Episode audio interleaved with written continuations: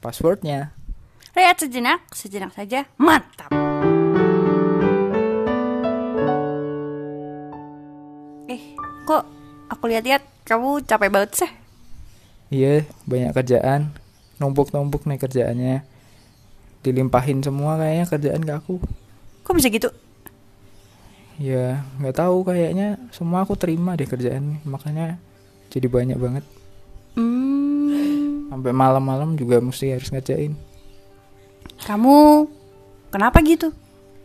Karena aku karena aku pingin semuanya beres aja. Maksudnya ngerasa kalau dikasih ke orang lain tuh belum tentu akan sebagus kalau aku kerjain gitu loh. Kamu ngantuk ya? Ya kan aku capek dari gini-gini. Gak enak ya nolaknya ya? Iya, aku kan tipe orang yang gak enakan. Emang nggak capek ya jadi orang yang nggak bisa nolak gitu? Ya, capek kadang.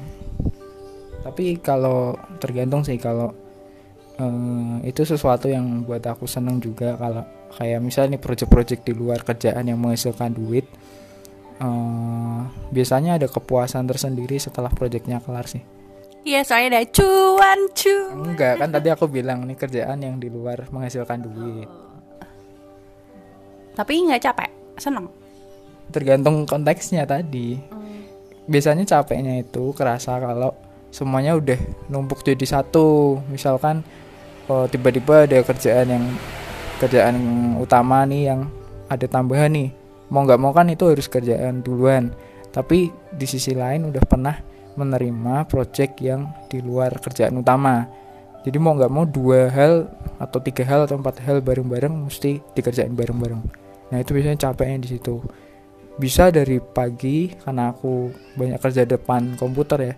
Dari pagi bangun sampai mau tidur itu mayoritas di depan screen. Tahu nggak? Ya enggak lah. Itu ciri orang yes man. Ibu kok kayak orang iklan gitu sih ngomong ya biasa aja dong. Kemarin tuh kan abis ngedengerin episode pertama kita tuh Kayak orang ngantuk coy Ya orang makin tidur sih bener makin rehat gitu Tapi kita harus lebih hidup gitu Ya kan sesuai nama podcast rehat. Ini saya leye kan. Mm-mm. Yuk kita balik lagi Ke mana? Tadi yang kita bahas itu ciri orang yes man Yes man itu orang yang Apa-apa iya Kamu ditawarin ini iya Kamu diajak jalan padahal nggak bisa iya Kamu lagi bokek diajak jalan Diajak makan iya Capek loh kayak gitu tuh Hmm, dulu saya gitu banget, tapi sekarang kayaknya udah lumayan berkurang sih. Sekarang malah apa-apa enggak kayaknya. Capek loh biasanya orang kayak gitu tuh Capek gak sih? Kamu capek kan? Iya, ya tadi aku masa-masa capeknya ya ketika semuanya akhirnya numpuk. Tapi kan ada masih ada motivasi di awal ketika kita mengiyakan sesuatu. Kenapa tuh? Gak enak ya nolaknya ya? Nggak enak nolaknya. Terus hmm, Takut gak punya teman kalau aku sih bukan takut gak punya teman tapi males bikin konflik atau males bikin musuh gitu loh. Saya kan nggak punya musuh kayak ibu kan banyak. Ya sih saya musuhnya banyak Tapi satu ilmu yang aku pegang sampai sekarang Orang tuh wajar gak suka sama kita Di dunia ini pasti ada orang yang suka Ada yang gak suka Jadi wajar lah Ngapain kita jadi yes man Nah kalau saya tuh entah kenapa, apa mungkin pola didik dari kecil ya eh, dididik untuk ya kamu mesti jadi orang baik. Nah di mindsetku orang baik tuh ya nggak punya musuh. Nah mungkin itu yang menjadi apa ya pola pikir itu yang menjadiku menjadikan alasan akhirnya aku yes man itu itu dulu kerasannya ya waktu masa-masa eh sebelum kuliah lah SMA SMP itu kerasa aku yes man banget kuliah masih masih begitu udah kerja baru mulai bisa belajar prioritas Hmm, oke. Aku juga dulu gitu sih. Tapi lama-lama ya tadi kayak aku punya prinsip nggak semua orang bakal suka sama kamu. Bahkan kalau kamu udah ngasihin hidup buat dia, kamu berjujuran dari buat dia, nggak semua orang dia bisa suka sama kamu. contohnya yes man-nya ibu apa dulu sekarang kan enggak katanya Dari dulu apa? Dulu konyol banget sih. Aku adalah orang yang sangat sulit menolak ajakan temanku untuk main. Karena menurutku kayak kasihan dia sendirian, kasihan dia uh, nggak punya teman, dia butuh teman curhat dan cuman aku gitu loh. Namanya savior syndrome. Zaman kapan? SMP, SD, PAUD. Mungkin sampai kuliah kali ya. Aku nggak enakan gitu loh kayak ya kan menurutku yang namanya teman tuh harus selalu ada. Oh, contoh misal kuliah nih, diajakin uh, nongkrong, makan di kafe. Padahal sebenarnya gak punya duit, tapi kita nggak enak nolaknya. Dan sebenarnya kita udah ada planning buat ngerjain tugas. Tapi karena nggak enak, akhirnya Akhirnya aku ikut nongkrong dan belinya cuman teh. Yang paling murah aku cari situ. kasihan amat. iya loh. Sampai segitunya. Karena menurutku kalau yang namanya temen tuh selalu dibutuhkan ketika temannya tuh butuh eh selalu ada ketika temannya tuh butuh dulu aku mikirnya gitu tapi aku sadar itu capek banget. Dan pada akhirnya teman yang selama ini ku perjuangkan pun punya rasa nggak suka juga sama aku. Jadi kayak dah percuma dong selama ini ku perjuangkan gitu. Terus alasan berikutnya tuh takut nggak punya teman. Meskipun aku orangnya ekstrovert sanguin banget. Tapi aku punya ketakutan nggak punya temen loh. Karena mungkin takut kesepian ya nggak punya teman gitu. Terus akhirnya ya ya bela- mencoba untuk menyenangkan semua orang. Namanya people pleasing. Jadi kayak Bahasa baru nih buat saya, people placing. People masyarakat, pleasing penempatan, penempatan masyarakat. wow. Cari aja ya teman-teman di Google people pleasing. Jadi kamu akan berusaha untuk menyenangkan orang lain terus. Tanpa kamu mikirin aku capek aku butuh istirahat aku juga butuh me time dan lain sebagainya. Oh, berarti bukan penempatan masyarakat. Berarti people placing itu ketika kita ingin membuat semua orang di sekitar kita menyenangkan. Eh, senang. baru nge-placing yang kamu ini place tempat ya Eh, iya, Ini tadi kan saya bilang. pleasing, please please memohon ditambah Oh, tambah pleasing, pleasing. ya Ah. gitu ya gitu sih karena aku sempat ada di satu titik yang aku jadi capek jadi nggak punya waktu untuk sendiri nggak punya waktu buat keluarga uh aku terus sakit dari titik itu aku mulai menyadari kayaknya pemikiranku tuh nggak bener dan nggak sehat nggak baik gitu loh. Untuk cuman takut gak punya teman cuman butuh diakui bahwa aku tuh ada. Berarti eh, yes man-nya Ibu lebih banyak konteksnya kepada teman-teman, teman main, teman kuliah, teman SMA, teman SMP gitu. kerjaan juga sih. Dulu kan sempat kepanitiaan. Misalnya kalau ada kepanitiaan tuh eh kalau temanku minta tolong aku akan selalu iya. Iya deh iya aku bantuin aku bantuin aku bantuin.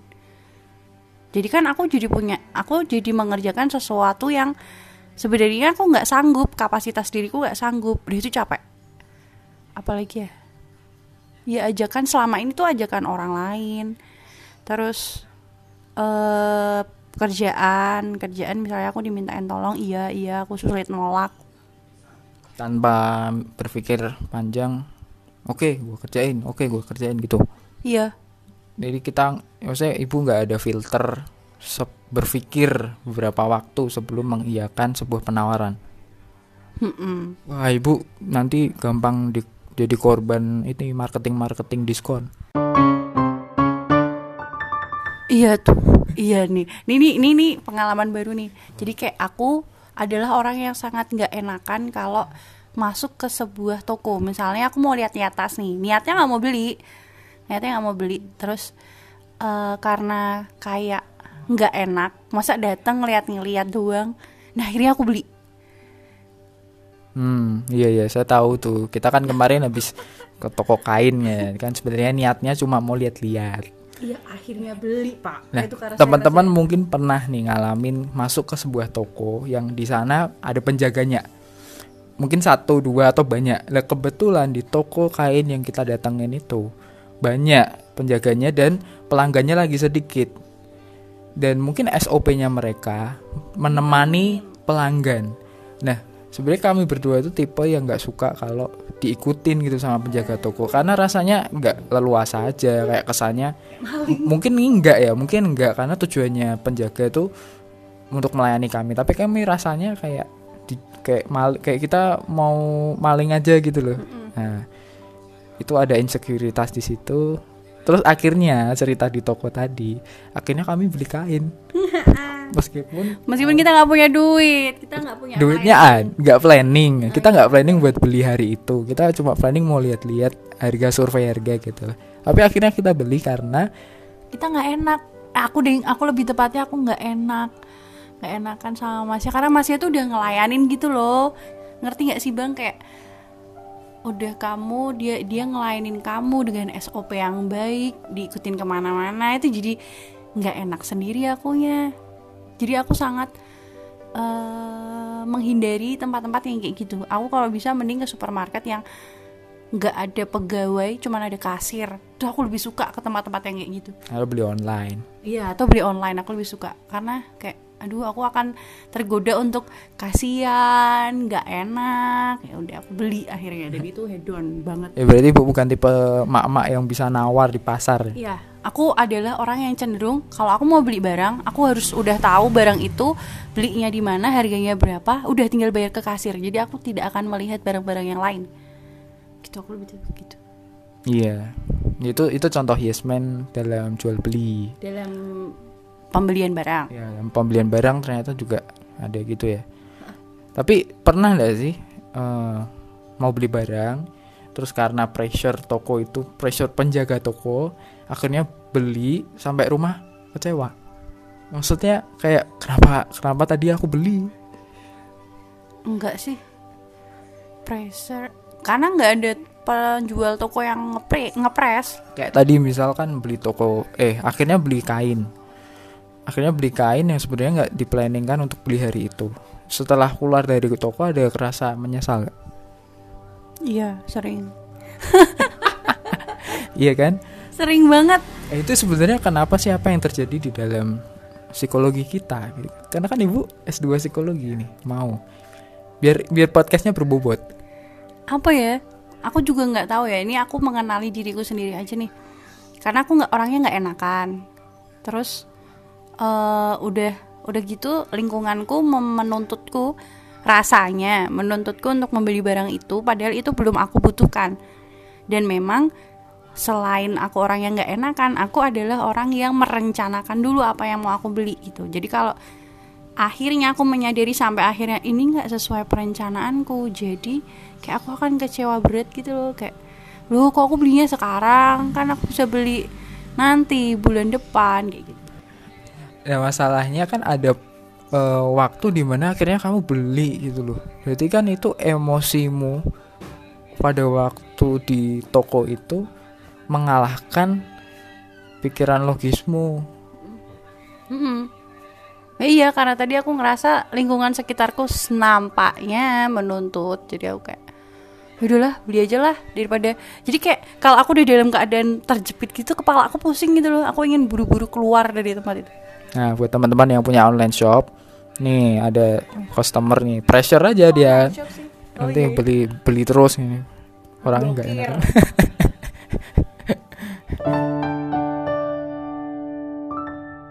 yes man.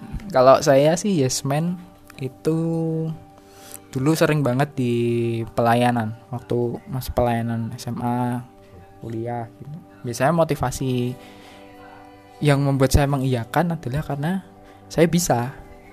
Saya bisa aku ngerti oh itu aku bisa. Contoh minta desain ini, ini dong desainin undangan ini bikin video ini ya karena itu bidangku aku mau gitu aku mau kerjain. Itu kayak cepet banget aku iakan. Mungkin kesamaannya adalah spare waktu untuk berpikir eh, apakah loadku ke depan load pekerjaan itu akan menumpuk-numpuk atau enggak tuh sedikit jadi langsung oke oke iya oke iya gitu Jadi kalau gitu sebenarnya orang-orang yes man tuh orang-orang yang nggak berpikir panjang sih menurutku. ya pendek otaknya Pemikirannya. Otaknya Oh, iya, iya. gitu aja volume. iya Jadi meskipun aku orang yang merencanakan, orang yang bisa dibilang ber, ber apa pikirannya jangka panjang ternyata ada momen-momen ketika kita punya eh ketika kita tertekan pemikiran kita pendek atau kita ngerasa kayak ih aku dibutuhin loh terus pikirannya tuh pendek kita bisa jadi orang yang yes man hmm. Iya sih. Iya iya. Tapi guys kalau teman-teman mau tahu itu capek banget. Capek banget dan itu capeknya ngalah-ngalahin kalau kamu ngerjain satu job. Karena misalnya itu berlaku di pekerjaan kita sehari-hari eh itu kayak kita ngerjain dua hal terus kalau itu berlaku sama ajakan temen nih misalnya kayak aku itu tuh gejolak emosinya lebih banyak karena nggak enak nih. Nanti temanku mikir aku apa temanku nanti di belakangku ngomongin aku apa. Terus ih nanti kalau dia udah jelek-jelekin aku aku jadi nggak punya teman. Kayak gitu-gitu loh tekanan emosinya itu lebih banyak dan itu capek banget. Kalau capek fisik itu kita masih bisa rehat sejenak. Sejenak saja. Mantap. Tapi kalau udah capeknya psikis itu tuh you must take time gitu. Capek psikis itu maksudnya gimana? Kayak burnout nanti teman-teman bisa cari. apalagi itu burn itu bakar auto keluar dibakar di luar. Sampah itu tuh. Sampah. Jadi burnout itu adalah nanti teman-teman bisa googling juga buat menambahkan pengetahuan burnout itu adalah kondisi di mana kita sangat lelah secara psikis dan itu ngefek ke si- fisik kita dan apa ya sejauh yang gue tahu itu sih. Jadi kayak aduh hilang lagi. Itu kayak eh, maksudnya pikiran kita lelah terus perasaan kita juga dalam perasaan yang tidak baik. Ada belum tanggung jawab yang ya tadi misal kita yes man terus akhirnya menumpuk banyak. Kalau saya bisanya tidur itu kalau ada di posisi kayak gitu. Tapi sejauh pengalamanku ya tidur aja tuh nggak cukup untuk orang-orang burnout karena aku sering burnout guys. Jadi ciri orang burnout adalah emosinya tuh meledak-ledak. Jadi kadang bisa baik dan tapi lebih banyak emosi negatif sih. Dia lebih sering marah-marah. Terus kayaknya nggak ngelakuin apa-apa tapi kayak capek banget gitu loh. Kelihatan mukanya fisiknya tuh capek banget. Dan kamu nggak ngelakuin apa-apa nggak mikir apa-apa otakmu tuh penuh. Itu pengalamanku. Ada orang-orang yang memang cara mengatasi stres atau coping stresnya itu tidur dan itu merilekskan fisik maupun psikis karena kayak oh yaudah aku lupain gitu. Tapi ada orang-orang yang kayak aku jadi itu kayak kependem meskipun aku tidur tidurku tuh nggak nyenyak. Nah itu kamu harus punya apa ya media untuk menyampaikan unek-unekmu. Jadi sebenarnya teman-teman kalau teman-teman punya diary jurnal itu tuh sangat membantu kita untuk sehat secara psikis Hmm, jadi man itu bisa berdampak negatif kita burn out tapi apakah man itu selalu berkonotasi negatif? Karena aku sendiri eh, setelah aku berpikir ada juga sisi positifnya. Misal, ketik aku bisa mengerjakan sesuatu dengan lebih cepat dibanding sebelumnya karena pressure. Misal aku harus mengerjakan dua deadline sekaligus dan itu harus dikerjakan hari itu juga. Misalkan di jam 5 aku harus kirim dua project bersamaan. Mau nggak mau aku berpikir dan mengelola pekerjaanku supaya bisa selesai semua. Ya capek gitu. Tapi ketika itu berhasil itu ada satu kepuasan yang tadi aku cerita di awal. Ada kepuasan dan uh, skillku meningkat gitu di dalam soal kecepatan mengerjakan pekerjaan. Untuk jangka waktu yang singkat itu nggak apa-apa. Itu kan kayak apa sih kita jadi deadlineer itu membuat kita under pressure terus mm, menaikkan apa ya hormon kita gitu. Ada hormon tadi yang mem- memunculkan kepuasan dan lain sebagainya. Tapi kalau kelamaan kayak gitu terus menurutku kita nggak akan sehat gitu sehat secara s- apa psikis. Karena apa ya kalau tadi tuh menurutku instan sih. Jadi kayak kamu eh, harus mengerjakan deadline-nya instan. Nah itu capek menurutku. Jadi kebergantungan guys ya aku ngerasa ada jadi ingat kayaknya itu jadi kebergantungan. Misalkan pekerjaanku tidak padat aku bisa lebih lambat. Iya. Dan kayak rasanya ada adrenalin yang terpacu ketika pekerjaannya banyak dan harus segera selesai dibandingkan pekerjaannya itu ada senggang waktu itu kita lebih mudah terdistraksi oleh hal-hal lain Karena percaya nggak sih manusia tuh belajar dari pengalaman. Sesimpel kayak ah aku aja kemarin bisa kok cuma dua hari. Itu ngomong sama diri sendiri loh. Aku bisa kok dua hari aja aku persiapan. Oh dua hari aja aku ngerjain ini aku bisa. Jadi aku nggak perlu waktu banyak. Jadi nanti kalau kamu punya waktu senggang justru seminggu kamu mempersiapkan, kamu cuman butuh dua hari aja. Hari lainnya kamu pakai untuk hal-hal yang tidak produktif.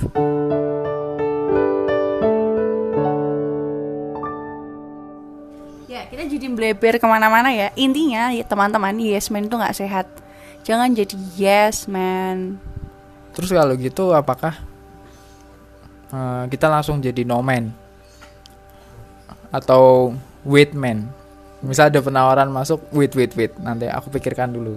Atau langsung enggak enggak enggak. Aku sedang capek aku sedang sibuk. Aku tidak mau sibuk.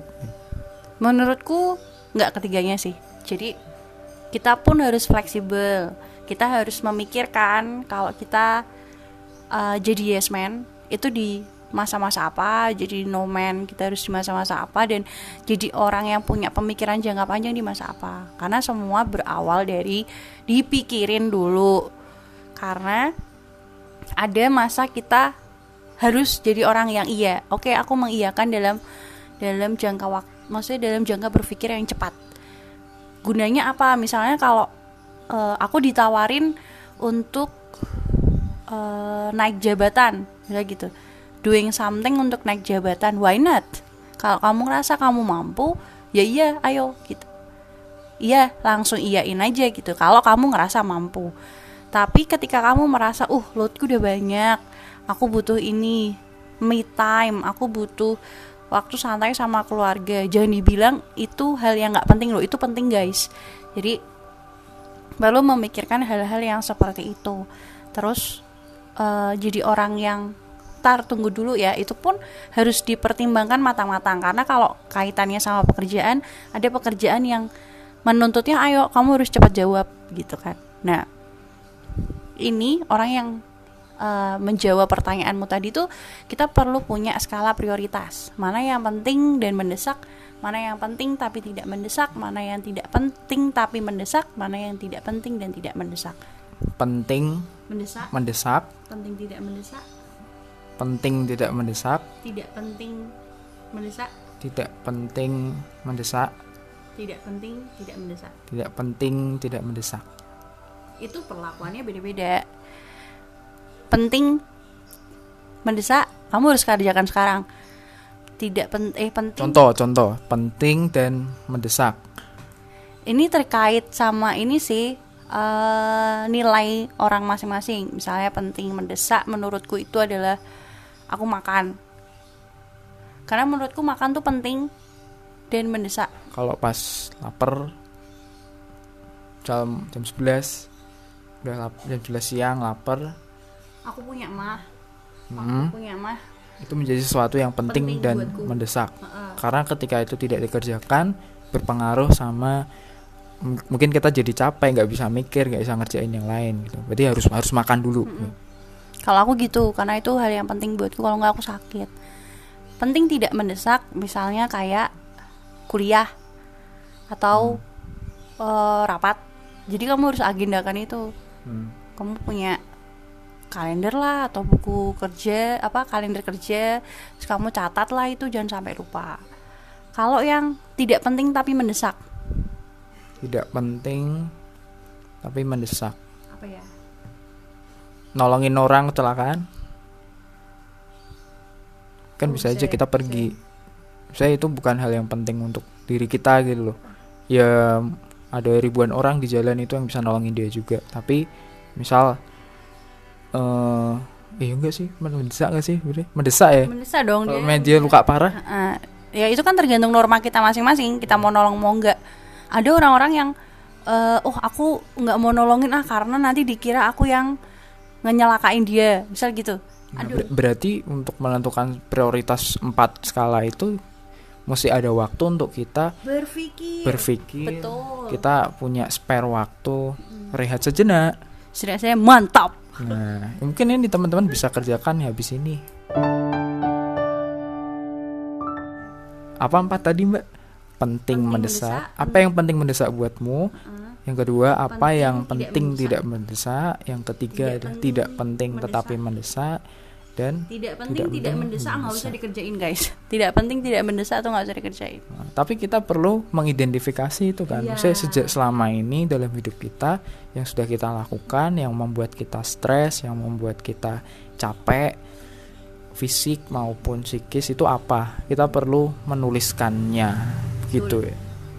Nah, tadi mengidentifikasikan itu kan tergantung nilai orang masing-masing ya. Misal buatku makan tuh penting dan mendesak, buatmu enggak gitu ya. Itu tergantung orangnya sih gitu. Jadi kalau teman-teman mau belajar ya silakan di di apa praktekkan sendiri gitu. Jadi jadi untuk mengatasi yes man kamu perlu waktu untuk berpikir, kamu perlu waktu untuk memikirkan, kamu harus punya skala prioritas. Terus jangan pernah ngerasa nggak enak sama orang. Karena eh tadi lo kan banyak rata-rata orang yang yes man. Misalnya kayak aku tuh takut takut tidak punya teman men. Di dunia ini tuh banyak ada ribuan orang. Kalau ada orang yang suka otomatis akan ada orang yang tidak suka. Bahkan orang yang suka aja mungkin akan ada orang yang suka. Misalnya nih eh, oh aku berteman sama kamu sama abang terus tapi kan ada ada hal-hal yang aku tidak suka dari abang gitu. Ya sih. Mm-mm, mm-mm. Pasti. nah jadi kayak kalau kamu mau berusaha menyenangkan orang terus tuh kamu capek guys. Stop to be yes man. Belajar punya skala prioritas guys. Karena hidup cuman sekali. Pikirkan matang-matang pikirkan baik-baik.